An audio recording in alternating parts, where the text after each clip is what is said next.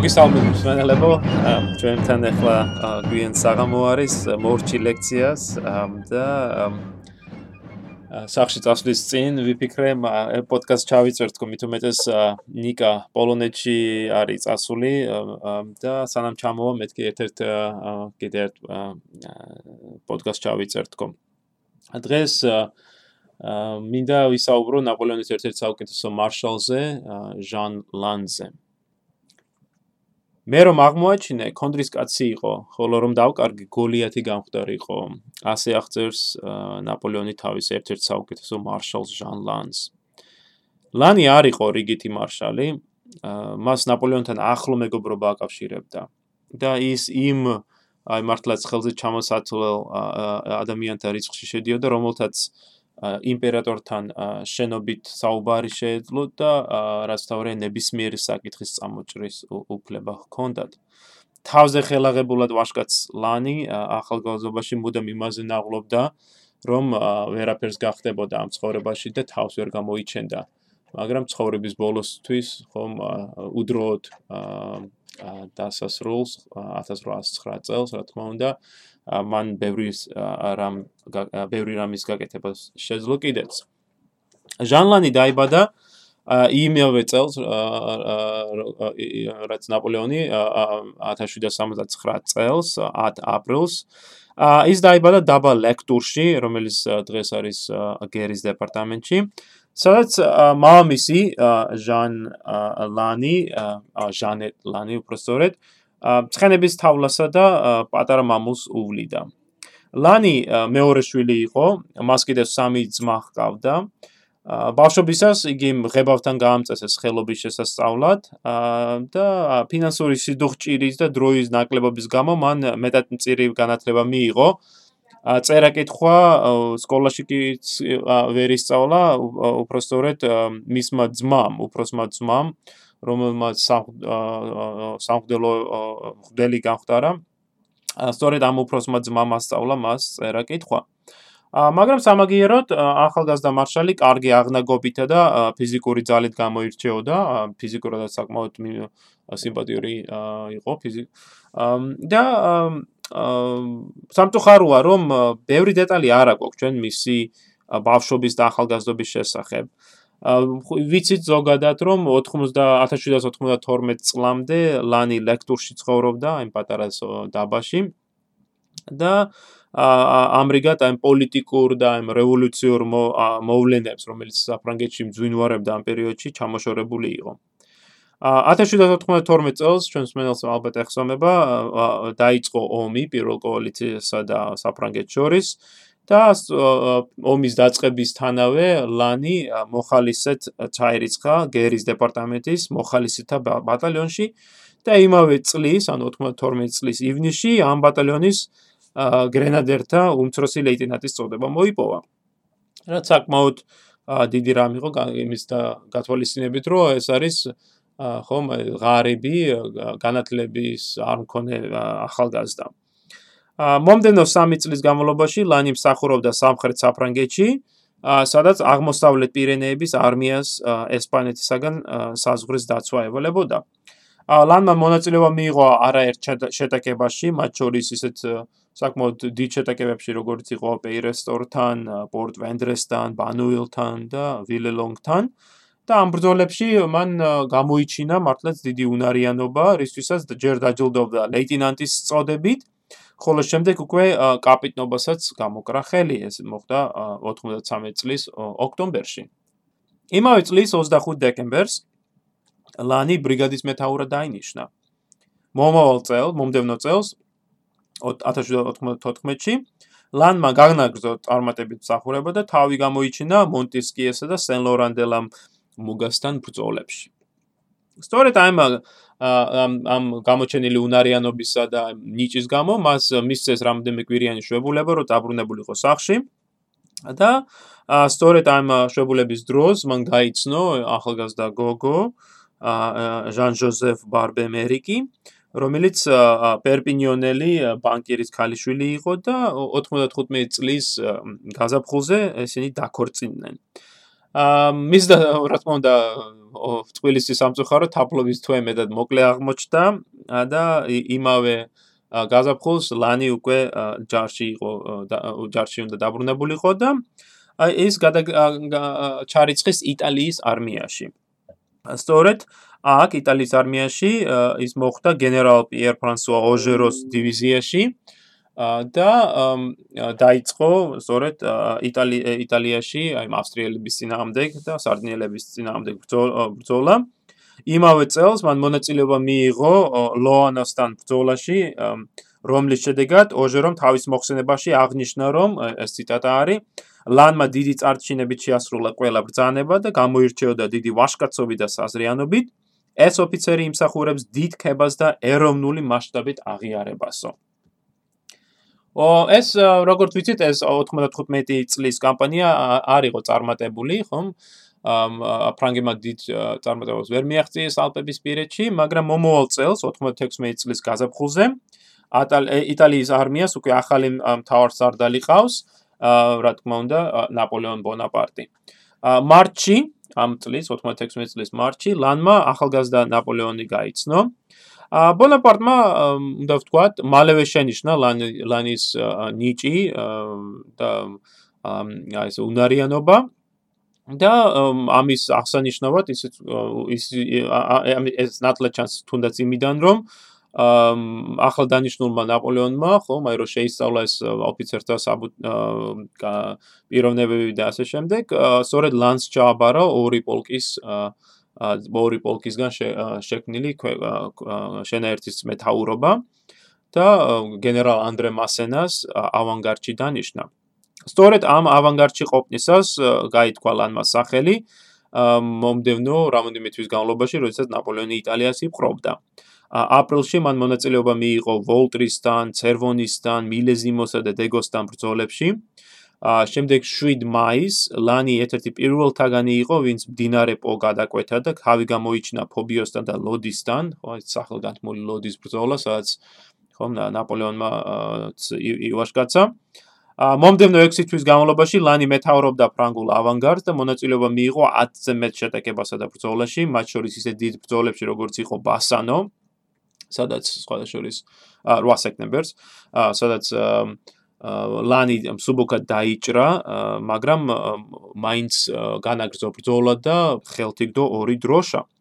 ასევე გოვერნოლოსთან 15 სექტემბერს, ანუ ბასანოს შემდეგ ერთ კვირაში ისე ვიბრძვის და ისევ დაიჭრა ბრძოლის დროს, მაგრამ მაინც განაგრძო ბრძოლა და რაც თავარია 15 ნოემბერს არკოლასთან ბრძოლაში ეს სახელგანთმული ბრძოლაა, როდესაც ნაპოლეონმა ხოსადა არკოლასთან ავსტრიელების პოზიციების გარღვევა და ხიძე გადასვლა. სწორედ ამ დროს არკოლასთან ბრძოლის დროს ლანი 58 ნახევარ ბრიგადას მეთაურობდა და მან ძლიერი იერიში მიიტანა ავსტრიელთა პოზიციებზე. და მართალია ვერ მიაღწია საწადელს ვერ შეძლო გადაკვეთა. მაგრამ მაინც ავსტრიელთა პოზიციები საკმარისად შეასუსტა რომ შემდეგ ფრანგების გამარჯვებას შეიტანა წვლილი ამ სწორედ ამ შეტაკებების დროს ლანი ორჯერ დაიჭრა. და აი ჰოსპიტალში ყოფნისას საველე ჰოსპიტალში ყოფნისას მან შეიტყო ავსტრიელთა კონტრშეტევის თაობაზე და მიუხედავად იმისა, რომ ის ჯერ კიდე დაჭრილი იყო და ექიმები ჯერ კიდე ცდილობდნენ მის დაჭრულებების მოშუშებას, ის შეახდა ცხენს და არკოლასთან სწორედ იმ მომენტში დაბრუნდა, როდესაც ავსტრიელებმა მოიგერიეს ფრანკ და მორიგი ერიში და უკან დახევისას ხიდიდან გადავარდნილი ნაპოლეონი ჭაობში ჩაეფლო.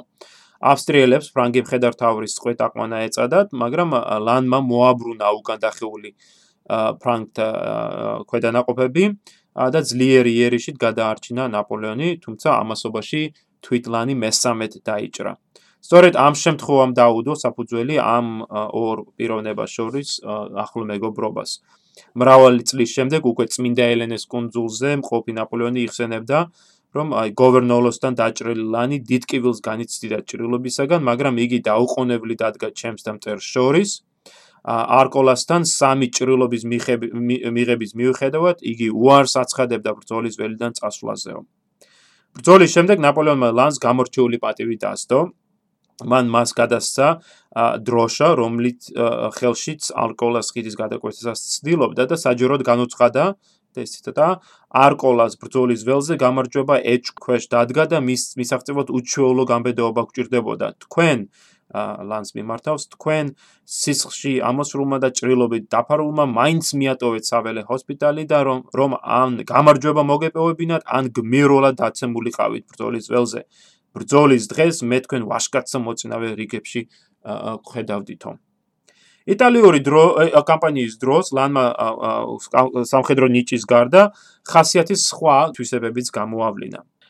გვიან გაზაფხულზე ფრანკთა მოქმედებით უკმაყოფილმა ადგილობრივმა მოსახლეობამ რამდენიმე აჯანყება მოაწყო და მათ ჩასაქრობად ბონაპარტმა სწორედ ლანი გაგზავნა, რომელიც დიდი სისტასტიკით გაუსწორდა აჯანყებულებს. მაისის დასასრულს მაგალითად პავიასა და ბინასკოში აჯანყებულების დამარცხების შემდეგ მან გადაწვა მთელი ადგილობრივი სოფლები. ასევე მკაცრად გაუსწორდა ტორტონასა და არკუაჩი დაწყებულ აჯანყებებს. ივნისში ლანს კიდევ უფრო მნიშვნელოვანი მისია დაეკისრა, რაც მისდამი ნაპოლეონის მზარდი ნდობისა და რწმენის ნიშანი იყო. ლანს დაევალა რომის პაპთან დიპლომატიური მოლაპარაკებების წარმოება, რაც მან წარმატებით შეასრულა. ამ ამ დროის განმავლობაში ლანი განაგრძობს სამხედრო მოღვაწეობას დეკემბერში ამ ლოდის ის ლოდის კომენდანტა დაინიშნა რომ ჭრილობები მოეშუშებინა. ახალი წლის დასაწყისში მას ვიქტორის დივიზიის ავანგარდი ჩააბარეს და ლანმა ისევ ავსტრიელებს შეუტია. მარტში გენერლის წოდებასთან ერთად ლანმა ახალი თანამდებობა მიიღო და მე-12 ბრიგადის უფროსობა ჩაიბარა ბრიგადა სამხედრო ფრონტისგან მოშორებული იყო და ლანს მარსელში ჩასვლა მოუწია.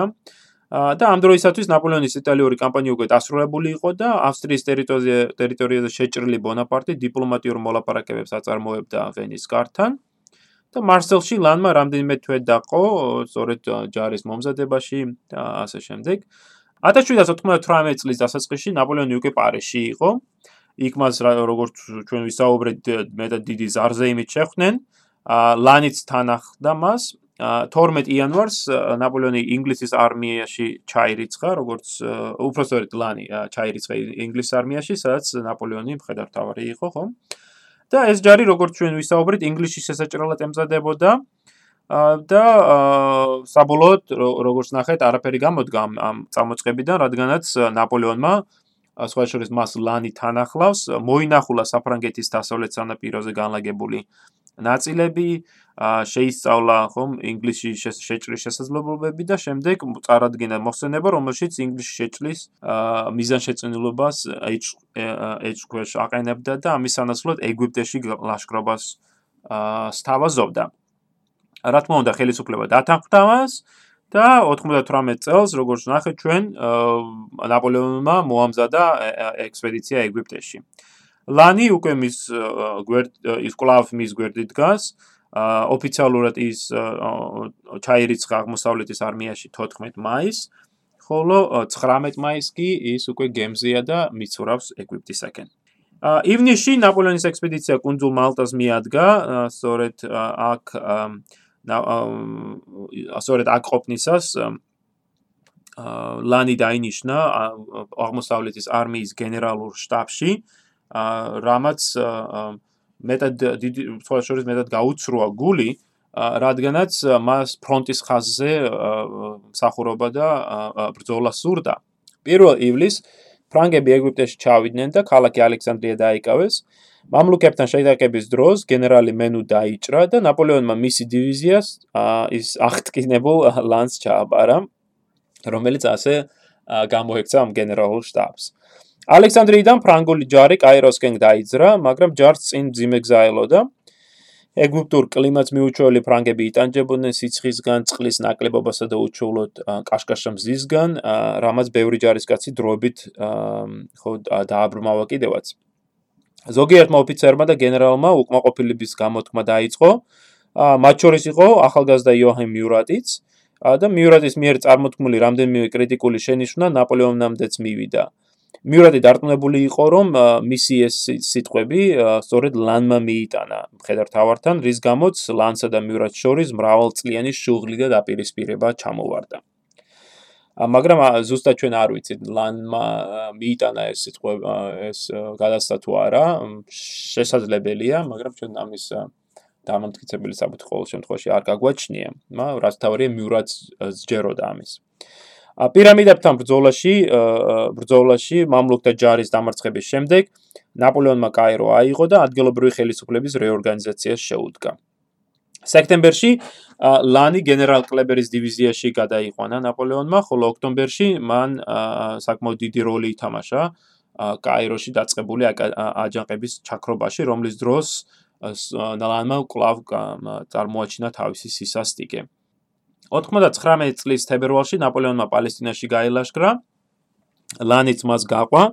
მან თავი გამოიჩინა ელარიშის აღების დროს, ეს 20 თებერვალს, შემდეგ ჯაფასთან ბრძოლასთან ბრძოლის დროს სადაც მან გადამწყვეტი დარტყმით ხელთიგდო ციხესიმაგრე შემდეგ სენჟან დააკრეთ ციხესიმაგრეს მიადგნენ ფრანგები რომლის ალყამაც თითქმის ერთი თვე გასტანა ლანმა მონაწილეობა მიიღო თითქმის ყველა იერიში ში მათ შორის უკანასკნელ ყველაზე მნიშვნელოვან შეტევაშიც 8 მაისს მისი წინამძღოლობით ფრანგებმა გაარღვიეს ციხესიმაგრის კედელი მაგრამ მის უკან მეორე გალავანი აღმოაჩინეს და დიდი დანაკარგებით დაიხიეს უკან. ლანმა ხელახლა შეტევა წამოიწყო, მაგრამ ბრძოლისას კისერში დაიჭრა და გალავნის ხრილში ჩავარდა. მისმა უკან დახეულმა ჯარისკაცებმა ეს ვერც კი შენიშნეს და ლანი თურქების ხელში ჩავარნას გადაარჩინა მხოლოდ ერთმა კაპიტანმა, რომლის რომელიც ხრილში ჩაძვრა და ლანის სამშვიდობოს გამოათრია. ჭრილობა სხვა შორის მეტად ძიმე გამოდგა და რომარა სახელგანთმული ექიმი დომინიკ ლარეი და მისი მართლაც უბადლო ნიჭი ლანი ალბათ ვერც გადარჩებოდა მაგრამ საბედნიეროდ ლარეიმა შეძლო საჭირო სამედიცინო მომსახურების გაწევა და ლანი გამომჯარდელდა თუმცა სიცოცხლის ბოლომდე მას საუბარი უჭირდა და თავი მუდამ ერთხარეს გადახრილად ეჭირა 10 მაისს 1798 წლის 10 მაისს ნაპოლეონმა აკრიდან უკან დახევა ბრძანა და იმავე დღეს მან ლანს დივიზიის გენერალის წოდება მიანიჭა. თუმცა ოფიციალურად ეს წოდება არ იქნება დამტკიცებული 1800 წლის 3 მაისამდე. უკან დახევისას ლანმა ნელ-ნელა მოიშუშა ეს ჭრილობა. ივლისის ბოლოსათვის იგი საკმარისოდ კარგად გრძნობდა თავს, საიმისოდ რომ 25 ივლისს აბუკირთან თურქთა ჯარის დამარცხებაში მიიღო მონაწილეობა. ბრძოლის დროს მან აბუკირის ციტადელში გამოკეტილ თურქებზე მიიტანა იერიში, სანამ იოჰემ მიურატი თავისი კავალერიით თურქებს სხვაში დევნიდა. სწორედ ამ იერიშის დროს ლანი კლავ მძიმე დაიჭრა, მაგრამ ამჯერად ფეხში და ჰოსპიტალში ყოფნისას კი მან კიდევ კიდევ ერთი ჭრილობა განიცადა ალბათ უფრო უფრო ბევრად უფრო მძიმე ვიდრე ის ფიზიკური ჭრილობები რაც მას გააჩნდა რადგანაც მან გაიგო რომ მისმა მეუღლემ უღალატა და საფრანგეთში უკანონო შვილი გაუჩინა. აგვისტოში ლანი ნაპოლეონთან ერთად ეგვიპტედან გამოიპარა რაც კიდევ ერთხელ ცხადყოფს თუ რამდენად დიდი ნდობა ჰქონდა ნაპოლეონს ლანის მიმართ აი საფრანგეთში დაბრუნებისას ნაპოლეონმა ხომ მხოლოდ რამოდენმე მეტად სანდო და საიმედო პირები წაიყვანა თან.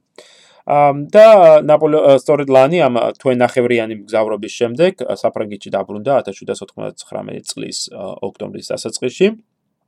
მან აქტიური მონაწილეობა მიიღო ნაპოლეონის მიერ 18 ბრუმერის სახელმწიფო გადატრიალების მომზადებაში და გადატრიალების თვით გადატრიალების დროს ტიულერის სასახლის დაცვა დაცვა ევალებოდა, ანუ პარიში დარჩა, მაგრამ საკმაოდ მნიშვნელოვანი როლი, ხო, მატიულერის სასახლე, რომელშიც სწორედ დირექტორის წევრები იყვნენ, სწორედ ამის დაცვა მას დაევალა. 12 ნოემბერს, ანუ გადატრიალებისგან ორ დღეში, იგი მე-9 და მე-10 სამხედრო დივიზიონების, ეს სამხედრო რეგიონებია საფრანგეთში, რომელიც ეს ორი რეგიონი თელ სამხრეთ საფრანგეთს მოიცავდა, აი ეს ორი რეგიონი სწორედ ლანს ჩაბარდა. და ის ფაქტიურად სამხრეთ საფრანგეთში ახალი ხელისუფლების ძალაუფლების განმტკიცებას განმტკიცება დაევალა მას. სწორედ სამხრეთში ყოფნისას ლანმა ოჯახური პრობლემებიც მოაგვარა და ცოლს გაეყარა. სამხრეთ საფრანგეთში ლანმა დიდი ხანი არ გაატარა. 1800 წლის აპრილში ის გაიწვიეს უკან პარიზში. ვინაიდან ნაპოლეონმა მას მეტად მნიშვნელოვანი წოდება თანამდებობა მისცა და დანიშნა საკონსულო გვარდიის მეთაურად და ასე ისევე როგორც გენერალურ არმი ჯარის გენერალურ ინსპექტორად და მხოლოდ აი ეს ორი თანამდებობა თვითონ ორი თანამდებობა მეტად საპასუხისგებლო იყო. საკონსულო გვარდია რა თქმა უნდა სამ კონსულს რაც თავარია პირველ კონსულს ხო ნაპოლეონს იცავდა. ხოლო გენერალური ინსპექტორი იყო ერთ-ერთი ყველაზე მნიშვნელოვანი თანამდებობა მთელს საფრანგეთის ჯარში და მას ევალებოდა სწორედ ჯარის შემოწმება როგორი ხარჯებოდა სახსრები თუ რამ მდგომარეობაში იყო თვით ჯარი და თითქოს და ეს არ იყო საკმარისი და მარტის ბოლოს ნაპოლეონმა ის ასევე სარეზერვო არმიის მხედართავად დანიშნა. ანუ კლავ აი მინდა ხაზი გაუსვა თუ რამდენად ენდობა ნაპოლეონი ლანს, ხო, აი სამ ასეთი სამი მნიშვნელოვანი თანამდებობა სწორედ მას არ ქონა. 9 მაისს ლანი და ნაპოლეონი პარიზიდან გაემგზავრენ დიჟონში, საიდანაც ავსტრიელთა წინააღმდეგ იტალიაში გაილაშქრეს. სწორედ ეს არის აი სახელგათმული ლამარენგოს ამ ამარენგოს კამპანია. ლანმა მონაწილეობა მიიღო სენ-ბერნარის უღელდახილი უღელტეხილის გადალახვაში, სადაც ფრანგულ ავანგარდს მეთაურობდა და სწორედ ის არის პირველი ამ სწორედ ის გაუძღვის ხო ამ ფრანგულ ჯარს ამ ამ ალპების გადალახვისას. ის არის პირველი, ვინც გადადის იტალიაში. 9 ივნის სწორედ ლანმა დაამარცხა ავსტრიელები, საკმაოდ ძიმე დაამარცხა. მონტებელოსთან, რისთვისაც შემდგომში უკვე 1808 წელს ნაპოლეონმა მას მონტებელოს ჰერცოგის წოდებაც მიანიჭა.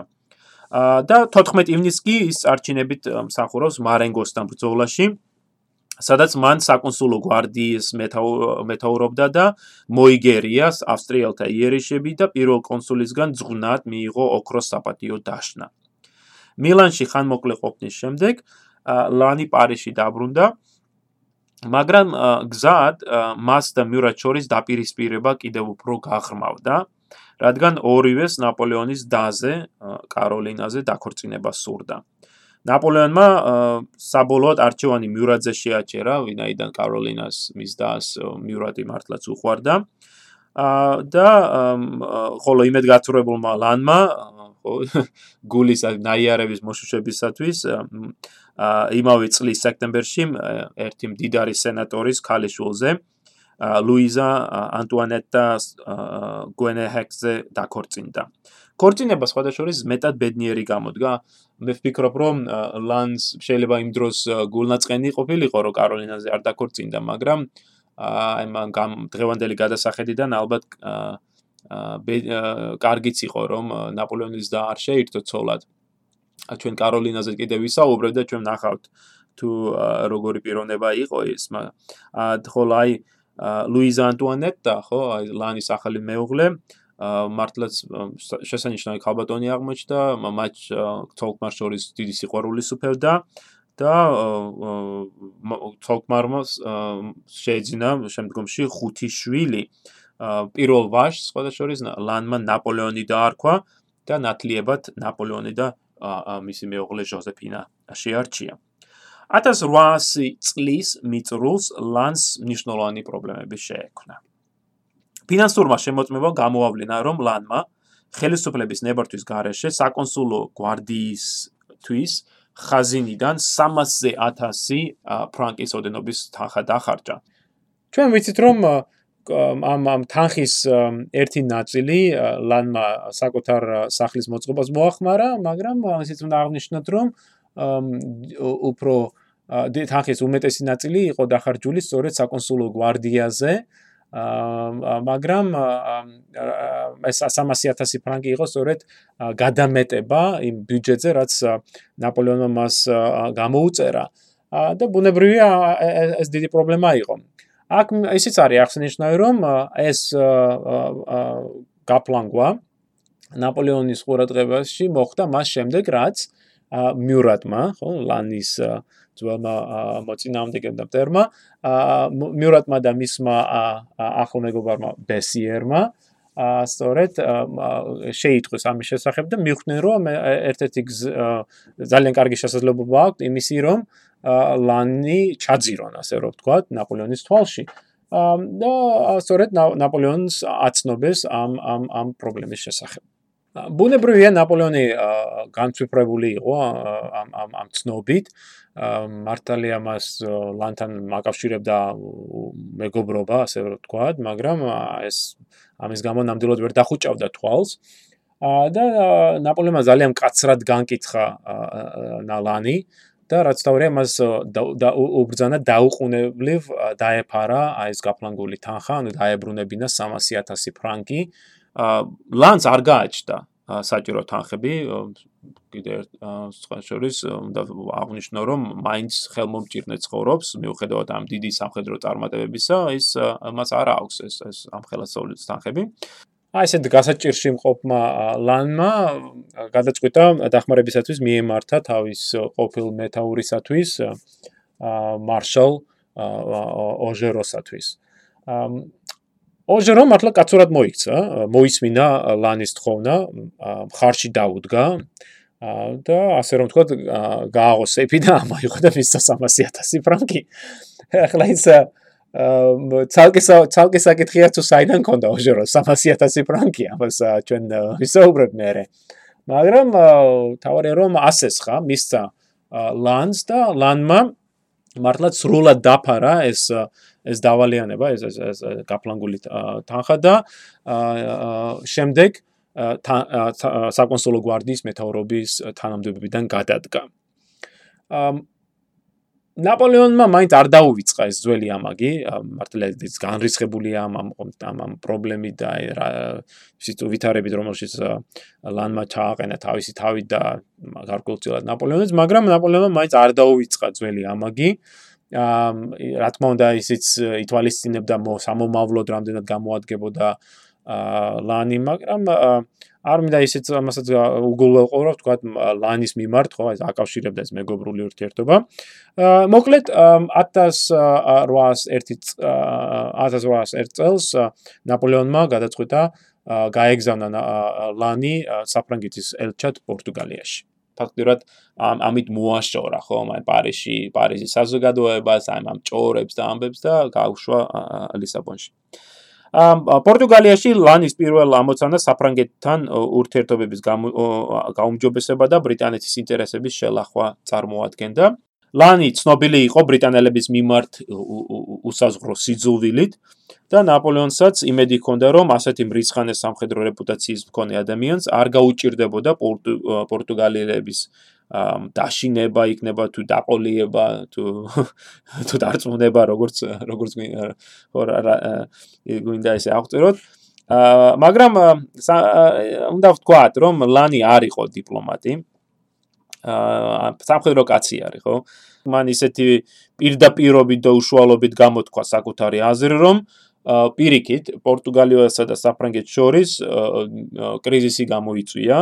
სხვა შენ კვეთრი კონფლიქტი იყო განსაკუთრებით მასსა და პორტუგალიის საგარეო საქმეთა მინისტრ დონ ჟოაო დე ალმეიდას შორის რომელიც ალმეიდა სხვა შორის პორტუგალი პორტუგალიაში უფრო ბრიტანულ ინტერესებს ლობირებდა და ამ დიპლომატიური ამ ინტრიგებისგან და დაღლილმა ლანმა ერთ დღეს ყველასათვის მოულოდნელად გამოაცხადა რომ ის ბრუნდებოდა საფრანგეთში, რა თქმა უნდა, ელჩ ესე ხომ ადვილად არ შეეძლო დაბრუნება, მაგრამ მან გამოაცხადა, რომ პორტუგალიიდან გამგზავრება გადაწყვიტა, მიუხედავად იმისა, რომ ეს ფაქტიურად საფრანგეთსა და პორტუგალიას შორის დიპლომატიურ ურთიერთობების შეწყვეტას და უზარმაზარ სკანდალს გამოიწვევდა. და ნალანმე შეხვდა ცხენზე და წავიდა საფრანგეთში. და საფრუკე საფრანგეთში რო ჩავიდა საფრანგეთის საზღვარს რო გადაკვეთა, ლანს ლანმა გაუგზავნა ნაპოლეონის წერილს წერილი რომ აა რომელშიც აცნობებდა თუ რა გააკეთა მან. ბუნებრივია ნაპოლეონი განრისხებული იყო რა. ალბათ ჯერ გაუგნებული და შემდეგ განრისხებული ამ ამ საქციელით. და თავდაპირველად უარი თქვა კიდეც ლანთან შეხვედრაზე. და მხოლოდ რამოდენმე დღიანი ხო მოცდის შემდეგ როდესაც ნაპოლეონის ცოტა დაწყნარდა მან ის დათანხმდა ლანთან შეხვედრაზე. ამ შეხვედრის დროს ლანმა აუხსნა პირველ კონსულს თუ რა ვითარებას უფევდა პორტუგალიაში, თუ რა რა რა მობიძგა ასეთ საქციელის გადაწყვეტილების ხო ამ ნაბიჯისაკენ და საბოლოოდ ნაპოლეონმა მაინც ასე ვთქვათ აპატია ეს ეს უგუნური ნაბიჯი. ამავე დროს მინდა აღნიშნო რომ ნაპოლეონი მიხვდა თუ რამხელა დიდ შესაძლებლობას აძლევდა მას აი ლანის ასეთ ლანის ასეთი უგუნური საქციელი ვინაიდან ლანის საქციელით არანაკლებ თავზარდაცემულები იყვნენ პორტუგალიელები რომლებმაც ელჩის გამგზავრება საფრანგეთის თავრობის მიერ საელჩოს გაწვევად მიიჩნიეს და ფაქტურად საუბარი ყოველ შემთხვევაში პორტუგალიელთა მოსაზრებით საუბარი იყო საფრანგეთთან ომის შესაძლებლობაზე, რამაც კიდევ უფრო დააფრთხო პორტუგალიის პრინც რეგენტი და პორტუგალიის ხელისუფლებამ პრობლემის მოსაგვარებლად ნაპოლეონთან პირველი წარმომადგენელი გაგზავნა და ემუდარებო ემუდარებო ელჩის დაბრუნებაზე. ამავე დროს პორტუგალიის საგარეო საქმეთა მინისტრი ეს ალმეიდა, ვინც ლანი პიროვნ ვისაც ლანი პიროვნულად ძულდა, ყველანაირად ეცადა ხელი შეეშალა ლანის დაბრუნებისათვის და ამის მიზნით კოლოსალური, მართლაც უზარმაზარი თანხა 4 მილიონი ფრანკი დახარჯა პირველ კონსულთან დაახლოებულ პირთა მოსათაფლად და ლანის სანაცვლოდ ვინმე სხვა ელჩის დასანიშნად. შექმნილ ვითარებაში ნაპოლეონმა პორტუგალიის პორტუგალიაში ბრიტანული ინტერესების შელახვის ბრწყინვალე შესაძლებლობა დაინახა. მან აცნობა პორტუგალიის პრინც რეგენტს რომ დიდი განხილვის შემდეგ საფრანგეთის ხელისუფლებამ გადაწყვიტა დაებრუნებინა დიპლომატიური წარმომადგენლობა საპორტუგალიაში იმ პირობით თუ იგი გადააყენებდა თავის საგარეო საქმეთა მინისტრს. საფრანგეთთან კონფლიქტი ასე იოლად მოგვარების მოსურნე პრინც რეგენტმა დაუყოვნებლივ დაითხოვა ალმეიდა და იმავე წლის მიწურულს ლანი დაბრუნდა ტრიუმფალურად. შეგვიძლია ვთქვა ლისაბონში. ამჯერად მას ბევრად უფრო თავაზიანად შეეგებდნენ. და როდესაც ლანმა გაიგო რომ ალმეიდამ 4 მილიონ ფრანკა ფრანკამდე დახარჯა მისი დაბრუნების ასაცილებლად მას ხუმრობით უთქვამს ე რა უნიჭო ყოფილა ეს პიროვნება ამ თანხის ნახევარი მაინც ჩემთვის რომ მოეცა ლისაბონისკენ საერთოდ არც გავიხედავდიო პორტუგალიაში ლანმა თითქმის ერთი წელი გაატარა. ამასობაში მან შეძლო პორტუგალიის რეგენტთან პრინც ჟოაოსთან ახლო ურთიერთობის დამყარება. რისი მეშვეობითაც ბრიტანეთის სავაჭრო კავშირები შეასუსტა და საფრანგეთის ზეგავლენა გაზარდა პორტუგალიაში. ამის კარგი მაგალითია თუნდაც ის გარემოება რომ სწორედ ლანის ხელშეწყობით და მოლაპარაკების შედეგად 1803 წელს დაიდო ნეიტრალიტეტის ხელშეკრულება საფრანგეთსა და პორტუგალიას შორის, რომლის შესაბამისად პორტუგალია მონაწილეობას არ მიიღებდა საფრანგეთის წინააღმდეგ წარმოებულ კოალიციურ ომებში. აქვე მინდა ისიც აღნიშნო, რომ ამ პორტუგალიის პრინც რეგენტს ჟოაოსა და ლანშორის რომ ეს ურთიერთობა ჩამოყალიბდა, ხო? აა ახლო ურთიერთობა. ამ ჟოაოს ბუნებრივია სურდა საფრანგეთის ელჩის გულის მოგება და ამით ნაპოლეონისთან, ნაპოლეონთან ურთიერთობის უზრუნველყოფა. და ამან ეს მან გააკეთა საკმაოდ საინტერესოდ მაგალითად ლანის ლანისათვის სხვადასხვა ძვირფასი საჩუქრების გადაცემით ლანს ლანა მაგალითად მიიღო არაერთხელ მიიღო ბრილიანტებით შემოსული საჩუქრები რის რის გამოც სხვა შორის პორტუგალიიდან დაბრუნებული ლანი უკვე საკმაოდ შეძლებული პიროვნება არის და მან შეძლო აი ოჟეროსათვის აი 300.000 ვალის დაბრუნება. ანუ პორტუგალიას პორტუგალიაში ყოფნა ლანისათვის საბოლოოდ მეტად წარმატებული გამოდგა. ასევე მინდა აღნიშნო რომ ლანის შვილი როცა ეყოლა ახალი მის ნათლიად სწორედ პორტუგალიის პრინც რეგენტი გახდა.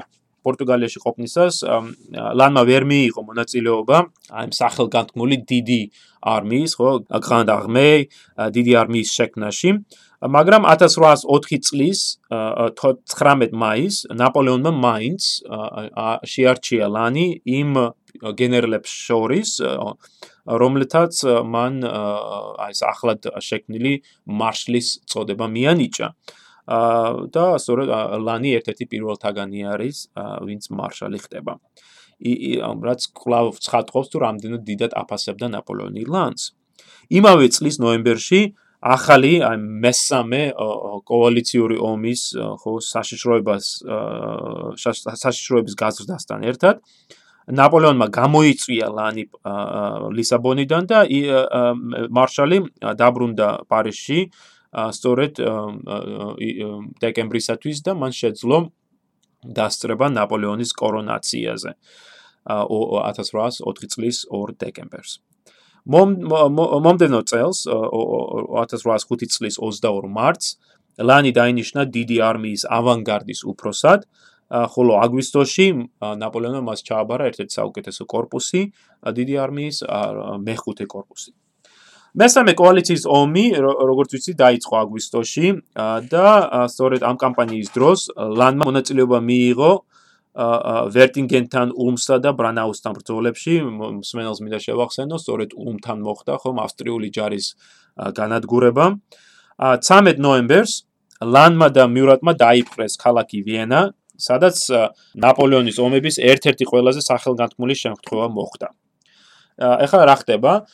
ულმთან დამარცხების შემდეგ ავსტრიელები თავ ქუდმოგლეჯილები იხევნენ უკან, მათ თან გაყვნენ ხო რუსული რუსებიც, რომლებიც გენერალ კუტუზოვის მეთაურობით რამოდენიმე თვის განმავლობაში რუსეთიდან ლაშქრობდნენ ავსტრიაში, მაგრამ დაგვიანებით ჩავიდნენ და ფაქტობრივად ვერ მოესწრნენ ულმის ბრძოლას. და სწორედ ეს ავსტრიულ-რუსული ჯარი იხევდა უკან და ფრანგები მას დაედევნენ. მოკავშირეებმა შეძლეს დინარ დუნაიზე ხიდების განადგურება, მაგრამ რჩებოდა ერთი სტრატეგიულად მნიშვნელოვანი ხიდი ქალაქ ვენაში, თაბორის ხიდი, რომლის დამცველ ავსტრიელ გენერალ აუსბერგს კონდა ბრძანება, რომ დაეცვა ეს ხიდი, სანამ ჯარი თელი მოკავშირეთა ჯარი არ გაივლიდა. და შემდეგ გაინადგურებინა ხიდი თუ ფრანგები შეეცდებოდნენ მის ხელს ჩაგდებას. და სწორედ სამისოდ ეს ხიდი დანაღმული იყო. ახლა წარმოიდგინეთ აუსბერგი ეს წარჩინებული ავსტრიელი ხო თავადი, საკმაოდ გამოცდილი მხედარ გენერალი იყო და 13 ნოემბერს აუსბერგი მეტად გაოცებული არის, როდესაც მან მიიღო შეტყობინება, რომ ხიდთან ორი ფრანგი მარშალი გამოჩნდა. ახლა თვით თვით ეს გარემოება რამდენად გასაოცარი ხო ფრანგები მარშლები გამოჩნდნენ და ესენი იყვნენ ლანი და მიურატი რომლებმაც საერთო საქმისათვის გადადეს პირადი მტრობა და სწორედ აქ ერთად გამოჩნდნენ. აუსბერგის შეხვდა მარშლებს რომლებმაც ღვინით ბოთლის ღვინით ბოთლით ხელში ხიარულად აცნობეს მას რომ ავსტრიასა და საფრანგეთს შორის თურმე ზავი დადებულიყო. ომი დასრულდა და ამის აღნიშნა შესთავაზეს აგერ ბოთლი გვაქვს. თქვენ რამე საჭამანდი ხო არა გაქვთო მივაყოლოთო. აუსბერგი დაიბნა. ლანი და ლანმა და მიურატმა გაუბეს საუბარი. რომ ეს მისი აუსბერგის და ავსტრიელთა გუშაკთა ყურადღება გადაეტანათ ხიდისგან. რომლის განაღვასაც ჩუმად ასრულებდა ფრანკთა ასეული რომელიც სხვა შორის ნელ-ნელა ჩაიპარა მდინარეში და ამ ხიდის ქვეშ ამ ნაღმების განაღვას შეუდგა. სწორედ ამ მომენტში ლანის ნიშანზე ლანმა მისცა ნიშანი და ფრანგებმა მოულოდნელად შეუტიეს ხიდს, განაიარაღეს მისი დამცველი გუშაგები და მთელი ეს ხიდი უვნებლად იგდეს ხელთ. მართლაც გასაოცარი გასაოცარი მომენტი არის. ვენის აღების შემდეგ ლანმა და მიურატმა ჭtildeოეთით გაილაშქრეს, რომ რუსულ ჯარისთვის გადაეკვეთათ გზა, მაგრამ სოფელ ჰოლაბრუნთან მათ შეხვდათ ქართველი გენერალი, ხომ, პეტრე ბაგრატიონი, რომელსაც მეტად ცირე არიერგარდი ყავდა დაახლოებით 7000 კაცი. მაგრამ ამ 7000 კაცით ბაგრატიონი მზად იყო შეებრძოლებოდა დაახლოებით 20 20000-იან ფრანგულ ავანგარდს, რომელსაც მიურატი და ლანი მეთაურობდნენ. მიურატმა გადაწყვიტა იგივე ხერხი გამოიყენებინა ბაგრატიონთან, რომლითაც აუსბერგი მოატყვა და ქართულ გენერალს დაზავების შესახებ აცნობა. ბაგრატიონი მიუხვდა ტყუილს და დროის დროის გადაყვანის მიზნით ფრანგ მარშლებთან შეხვედრაზე დათანხმდა და ჯერ გააჯანჭყლა ამ შეხვედრის მოწყობა და შემდეგ მოლაპარაკებას იმდენ გააჭინაურო რომ თელი დღე დაიკარგა. ლანი მალევე მიუხვდა ბაგრატიონის განზრახვას და მიურატს შეტევაზე დაუყოვნებლი გადასვლა ურჩია, მაგრამ ვერაფერს გახდა. მიურატმა შეტევა მხოლოდ მას შემდეგ გადაწყვიტა, რაც ნაპოლეონისგან განკიცხვა და საკმაოდ ბრიცხანე ბრძანება მიიღო, მართლაც საოცარია იმ წერილის წაკითხვა, რომელიცაც ნაპოლეონი მიმართავს წერს მიურატს. აა 15 ნოემბერს მართლაც დიდი ბრძოლა გამართა ამ დაბა ჰოლაბრუნსა და შონგრაბენს შორის. ბაგრატიონმა თავგამოდებით იბრძოლა აქ მართალია თავისი შემადგენლობის ხო არიერგარდის შემადგენლობის 2/3 დაკარგა მაგრამ მაინც შეძლო ლანის და მიურატის იერიშების მოგერიება და აი ამ რუსული ჯარის გადარჩენა. ვინაიდან კუტუზოვს საშუალება მიეცა ჩრდილოეთით გასცლოდა საფეხბურთო ადგილს. მაგრამ რა თქმა უნდა ეს მოკავშირეთა გადარჩენა მხოლოდ დროებითი აღმოჩნდა. 1805 წლის 2 დეკემბერს ნაპოლეონმა შეძლო მოკავშირეების შეტყუება დაბა აუსტერლიცთან სადაც მან მართლაც გამანადგურებელი გამარჯვება მოიპოვა მათზე. ამ აუსტერლიცის ბრძოლის დროს ლანი ფრანგული ჯარის მარცხენა ფლანგს მეთაურობდა და ის კლავ ისევ ბაგრატიონს პირისპირ ებრძოდა. ვიცით რომ მართალია მოკავშირეები დამარცხდნენ აუსტერლიცის ბრძოლის დროს, მაგრამ ერთადერთი მოკავშირეთა ჯარის ერთადერთი ნაწილი, რომელმაც შეინარჩუნა ბრძოლის უნარიანობა და ბრძოლიდან წესრი საბრძოლო წესრიგში გავიდა, იყო სწორედ ბაგრატიონის ფლანგი, რომელზეც სადაც ბაგრატიონმა შეძლო ლანის შეტევების მოგერიება და შემდეგ ბრძოლის შემდეგ ნელ-ნელა დაიხია უკან და შემდგომში გადაიქცა უკვე მოკავშირე ჯარის არიერგარდად. ბრძოლის შემდეგ ლანსა და ნაპოლეონის შორის საინტერესოა რომ განხეთქილება მოხდა. სამწუხაროდ ჩვენ არ ვიცით რა იყო ამ განხეთქილების მიზეზი. ვიცით ერთი ის არის რომ ნაპოლეონი არ იყო მთლად მაყოფილი ლანის მოქმედებით ამ ბრძოლის დროს. ამავე დროს ლანი ფიქრობდა რომ ნაპოლეონი საკმარისად არაფასებდა მის წვლილს ამ ბრძოლაში შეტანილ წვლილს და რომ ის დაუნსახურებლად აჯილდოებდა ან ყურადღებას აქცევდა სხვა გენერლებს, მათ შორის მიურაც და მოკლედ ნაპოლეონსა და ლანჩორის ხდება ეს საკმაოდ წვავე შეკამათება და ნაპოლეონი ურჩევს ლანს წავიდეს ჯარიდან, რაზეც ლანი თანხდება და სწორედ აუსტერლიცის ბრძოლიდან რამოდენიმე დღეში ლანი ტოვებს ჯარს და ბრუნდება საფრანგეთში. მომდემნო რამოდენიმე თვე, სხვა შორის თელი გაზაფხული 1806 წლის გაზაფხული და ზაფხული ლანმა გაატარა მშობლიურ მხარეში, მაიმ სწორედ იმ ლაკურბში და აქ იყო ალბათ ერთ-ერთი მისი ცხოვრების ყველაზე ბედნიერი თვეები.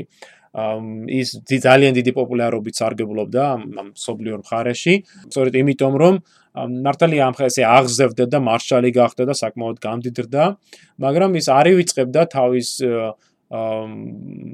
მეგობრებს იმ იმ ადამიანთა იმ წრეს, რომელშიც ის გაიზარდა. ამ ისიც არის ასანიშნავი რომ მას ჯერ კიდევ გააჩნდა ეს რესპუბლიკური სულისკვეთება, რაც მეტად საინტერესოა, იმიტომ რომ ხო იმპერატორს ემსახურება, მაგრამ ეს მეტად რესპუბლიკური სულისკვეთებით იყო აღჭურვილი, გამოირჩეოდა ალალობით, სიმარტივეთ, არის არაერთი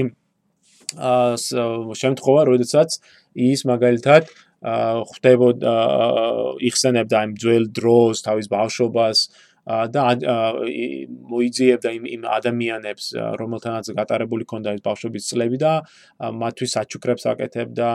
მაგალითად მან მონახა ის პიროვნება რომელმაც თავის დროზე ხო მაგრამ როდესაც ახალგაზრდა იყო ლანი მას ფული ასესხადა ამჯერად არა მარტო დაუბრუნა ის ფული არამედ უყიდა ახალი სახლი თავისი ლამაზი ბაღი თურთო.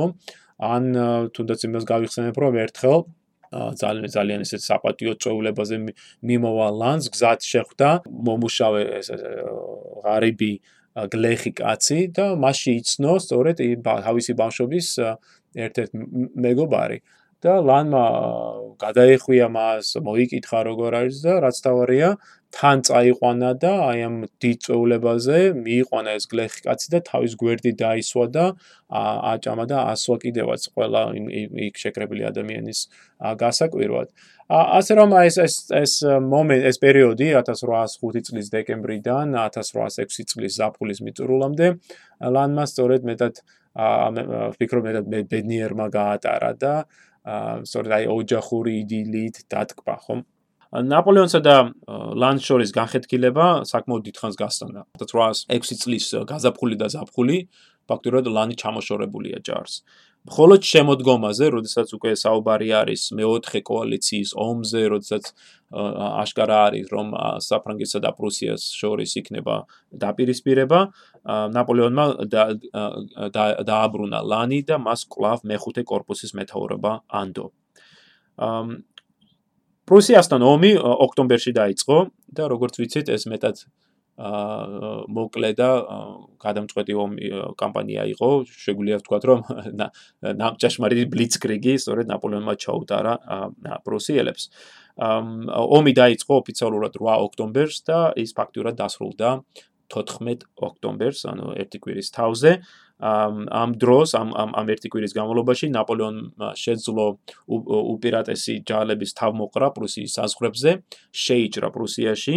ლანი ლანმა შეძლო თავისი თავის გამოჩენა როდესაც 10 ოქტომბერს, ანუ ომიდან დაწყებიდან 2 დღეში, მან სასტიკად დაამარცხა პრუსი პრუსელთა ჯარის ერთი დიდი ნაწილი ზააფელთან, სადაც სწორედ პრუსიის პრინცი, მომავალ პრინცი ლუის ლუი დაიღუპა კიდეც. და შემდეგ უკვე 14 ოქტომბერს იენასთან, ხო, სახელგანთქმულ ბრძოლის დროს, ლანი მეთაურობდა დიდი არმიის ცენტრს და თავი გამოიჩინა როგორც პრუსიელთა დამარცხებაში, ასევე მათ დადევნებაში, როგორც ვიცით, იენასთან დამარცხების შემდეგ ორი კვირის განმავლობაში 14-დან 28 ოქტომბრამდე ნაპოლეონმა მთელი პრუსია დაიკავა და ლანიც სწორედ ამ ამ ამ დადევნების მონაწილე არის. 25 ოქტომბერს მაგალითად მათ დაიკავა პოცდამი ხოლო 28 ოქტომბერს პრეცლაუსთან ტყვე ჩაიგდო 16000 პრუსიელი ჯარისკაცი 45 დროშა და ასეულობით ზარბაზანი. დეკემბერში ფრანგული ჯარი რუსული არმიის დასამარცხებლად პოლონეთში შეიჭრა. ამ კამპანიის დროს, ეგრეთ წოდებული პირველი პოლონური კამპანიის დროს, 25 დეკემბერს დაბა პულტუსკთან ლანი რიცხობრივად უპირატეს რუსულ ჯარს წააწყდა და მართალია მან შეძლო მოწინააღმდეგის შეჩერება, მაგრამ ბრძოლის დროს მეტად ძიმედ დაიჭრა. ჭრილობის მოსაშუშებლად იგი ქალაქ ვარშავაში გაემგზავრა, სადაც მთელი გაზაფხული დაჰყო. და ამიტომ სწორედ ლანი ვერ დაესწრო, ვერ მიიღო მონაწილეობა ეილაუსთან სისხლის მღრელ ბრძოლაში. შეიძლება კარგიც იყო, ვინაიდან მისი თავს ხელაღებულ ვაშკაცობის გათვალისწინების შესაძლებელია, ხომ მომკვდარი იყო კიდევაც აქ. გაზაფხულზე ნაპოლეონმა განაახლა შეტევა. ლანიც დაუბრუნდა ჯარს. ნაპოლეონმა მას სარეზერვო корпуსის უფროსობა უბოძა. და ლანმა თავდაპირველად დანციგის ალყაში მიიღო მონაწილეობა, ხოლო ივნისში ძირითად ჯართან ერთად რუსულ არმიაზე მიიტანა იერიში.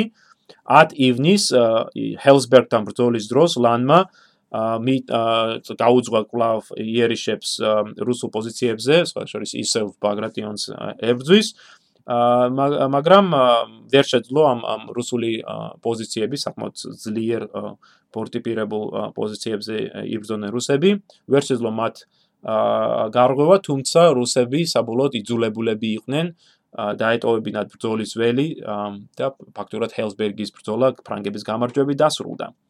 სამაგიეროდ ჰელსბერგიდან ბრძოლის ბრძოლიდან 4 დღეში 14 ივნისს ფრიდლანდის ბრძოლის დროს ლანის корпуსმა გაუძლო რუსთა არმიის შემოტევას იქამდე სანამ ბრძოლაში თვითონ ნაპოლეონი არ ჩაერთო და გადამწყვეტი გამარჯვება არ მოიპოვა. სწორედ აი ფრინლანდთან გამოჩენილი ვაშკაცობისა, შემართებისა, აა და ეს უნარიანობისათვის ლანი უხვად დასაჩუქრდა. აი წარსული წენა თუ აი დაპირისპირება თუ განხეთქილება რაც არსებობდა ნაპოლეონსა და ლანს შორის ეს ყოველივე მივიწყებული იქნა. ნაპოლეონმა ლანს დიდი მამულები უბოძა პოლონეთში, ვესტფალიაში, ჰანოვერში, მათ შორის დაბა კალიშთან მდებარე სევრის სათავადო, რომელმაც ლანს თავადის წოდება მოუტანა. 1807 წლის 13 სექტემბერს ლანმა მოიპოვა შვეიცარიის ჯარის გენერალ-პოლკოვნიკობა, ხოლო 1808 წლის 15 ივნის ნაპოლეონმა, როგორც ახსენე ადრე, მას უბოძა მონტეპელოს ჰერცოგის წოდება. 1808 წლის ოქტომბერში ლანი ესპანეთში გაიგზავნა, სადაც იგი მესამე корпуს მეთაურობდა. და თავი გამოიჩინა რამოდენიმე შეტაკებაში, სწორედ ეს არის აი ნაპოლეონის მიერ, ხო, ესპანეთის დაკავების მცდელობა. და უტუდელოსთან ბრძოლაში 1808 წლის 23 ნოემბერს მან ძიმე დაამარცხა ესპანელთა არმია და გაილაშქრა ქალაქ სარაგოსასკენ, რომელიც მოაქცია ალყაში 1809 წლის იანვარში. მომდემნო ერთთვიანი ალყის დროს ფრანგები ცდილობდნენ ქალაქ სარაგოსას აღებას, მაგრამ ამაოდ სხვა შორის სარაგოსა მართლაც გახდა იმ სიმბოლო იმ ესპანო ესპანელი ხალხის შემართებისა, სულისკვეთების, ხო, ამ წინაამდეგობის ამ ამ ფრანგების წინაამდეგ. ფრანგები თითოული უბნის, ქუჩის თუ სახლის აღებას მხოლოდ დიდი ბრძოლის შემდეგ ახერხებდნენ და საბოლოო ჯამში სარაგოსას ალყა ნაპოლეონის ომების ერთ-ერთი ყველაზე სისხლიანი შეტაკება გამოდგა. ქალაქის თითქმის მთელი ნაწილი განადგურებული იქნა და ამ ამ ამ ალყის დროს ესპანელებმა 50000-ზე მეტი კაცი დაკარგეს, ხოლო ლანმა დაახლოებით 20000-მდე ადამიანი, მათ შორის 10000-მდე გარდაცვლილი. 1809 წლის 21 თებერვალს ლანმა სარაგოსას კაპიტულაციას მოაწერა ხელი და აი ქალაქების ნანგრევების ჩაბარების შემდეგ დაუყოვნებლივ გაემგზავრა გერმანიაში, საიდანაც ნაპოლეონმა შეატყობინა, რომ ახალი ომი წამოი დაიწყო მეხუთე კოალიციასთან. ნაპოლეო 1809 წლის გაზაფხულზე ლანმა მიიღო მონაწილეობა რამოდენიმე შეტაკებებში ავსტრიელებთან. ის თავდაპირველად მეთაურობდა დროებით კორპუსს არ იყო ეს ერთ-ერთი პერმანენტული корпуსი კი არ იყო, არამედ აი დროებით შექმნილი корпуსი იყო რამოდენიმე დივიზიისაგან, სხვა შორის საკმაოდ კარგი დივიზიებისგან, მათ სათავეში შეედგნენ ისეთი გამოჩენილი გენერლები ფრანგი, როგორც იყო მორანი, გუდენი, ნანსუტი და სენ-ჟერმენი. 20 აპრილს ნაპლამა თავი გამოიჩინა აბერსბეკთან შეტაკებაში. მომდევნო დღეს 21-ში იერიში დაიკავა ლანცხუთი, ქალაქი ლანცხუთი, ხოლო 22 აპრილს ეკმილთან დიდი გამარჯვება იზეიმა ავსტრიელებზე. 23 აპრილს რატისბონის ციხესიმაგრეს ციხესიმაგრეზე იერიშის დროს სწორედ ლანი იყო მოწინავე რიგებში, სწორედ ლანი მიუძღოდა გადამწყვეტ იერიშებს და სწორედ ლანი კიბით ხელში, ხო წარმოიდგინე მარშალი, ხო, გენერალი, თავადი, ხო, ეს ჰერცოგი კიბით ხელში თავის ჯარისკაცებს ეცილებოდა კედელში აძრომის პირველობაში. შუა მაის ლანმა დაიკავა კვლავ ვენა ავსტრიელების დევნაში მან გადალახა მდინარე დუნაი და დაიკავა სოფელი ასპერნი. სწორედ აქ 1809 წლის 21 მაისს გაიმართა ლანის უკანასკნელი ბრძოლა. რიცხობრივად უპერატესმა ავსტრიულმა ჯარმა ძლიერი იერიში მიიტანა ლანის პოზიციებზე ასპერნთან და დინა ისე მოხდა რომ გარკვეულწილად ნაპოლეონის შეცდომის შედეგია ეს რომ ფრანგული ჯარი გაყოფილი იქნა ორ ნაწილად მდინარე დუნაის დასავლეთ ნაპირზე არის ნაპოლეონი თავის ძირითადი ნაწილებით, ხოლო მდინარის მეორე მხარეს არის აი ლანის корпуსი ასპერნთან და მარშალ მასენას корпуსი დაბა ესლინგთან. და რადინაიდან მდინარე ადიდებული იყო და ავსტრიელებმა შეძლეს ხიდების განადგურება ამ ფრანგული ჯარის ამ ორ შენაერთ შორის, ხო ნაწილ შორის არ იყო კავშირი. სწორედ ამ ბრძოლის დროს, როდესაც ფრანგები გმირულად იცავდნენ თავის პოზიციებს ურიცხობრივად უპირატესი ავსტრიელი ჯარის წინააღმდეგ, ლანი მძიმედ დაიჭრა მას შემდეგ, რაც ავსტრიული ხუმბარა მოხვდა მას და ორივე ფეხის სასტიკად დაუზიანა.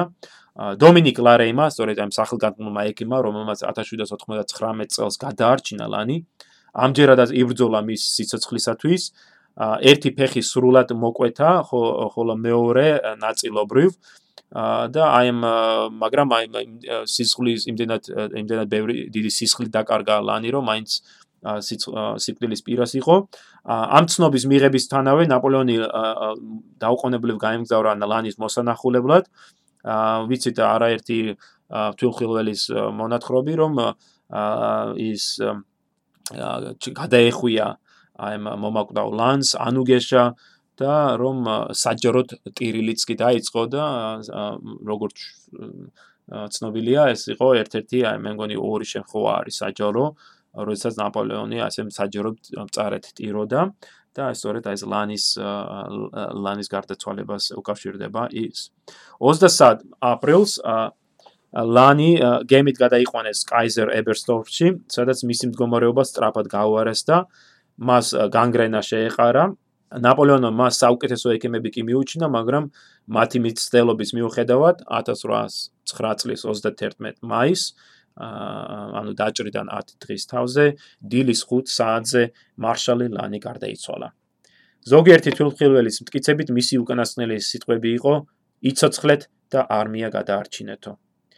ლანის სიკვდილმა უზარმაზარი დარტყმა იყო ნაპოლეონისათვის, მართლაც დიდად დაასევდიანა იმპერატორი, რომელმაც პირადად მისწერა წერილი ლანის ქრივს და საკმაოდ ისეთი სევდიანი წერილი არის და ის ერთ-ერთ ნაწილში ის წერს დღეს დავკარგე გამორჩეული გენერალი და 16 წლის განმავლობაში უყევი თანამებრძოლი, რომელიც საუკეთესო მეგობრად მიმაჩნდა.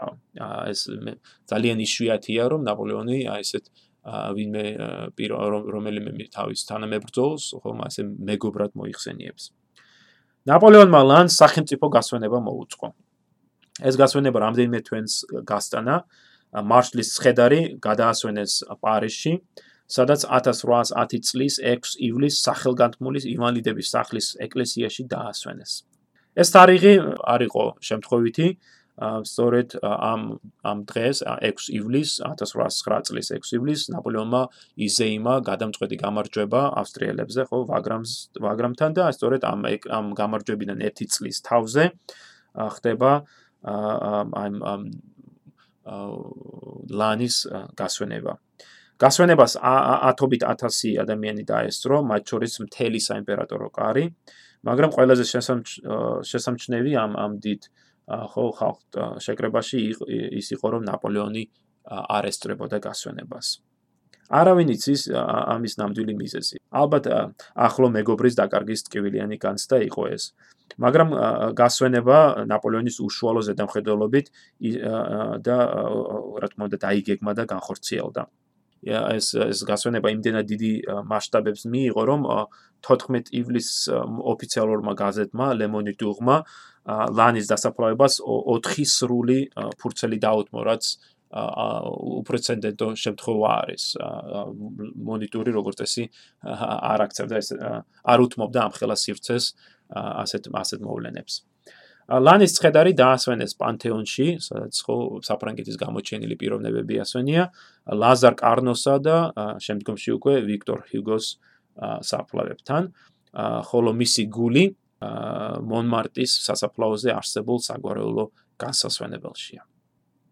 ლანის სიკვდილის შემდეგ მისი ოჯახის საქმეები სამწუხაროდ მეტად უკუღმართად წარიმართა.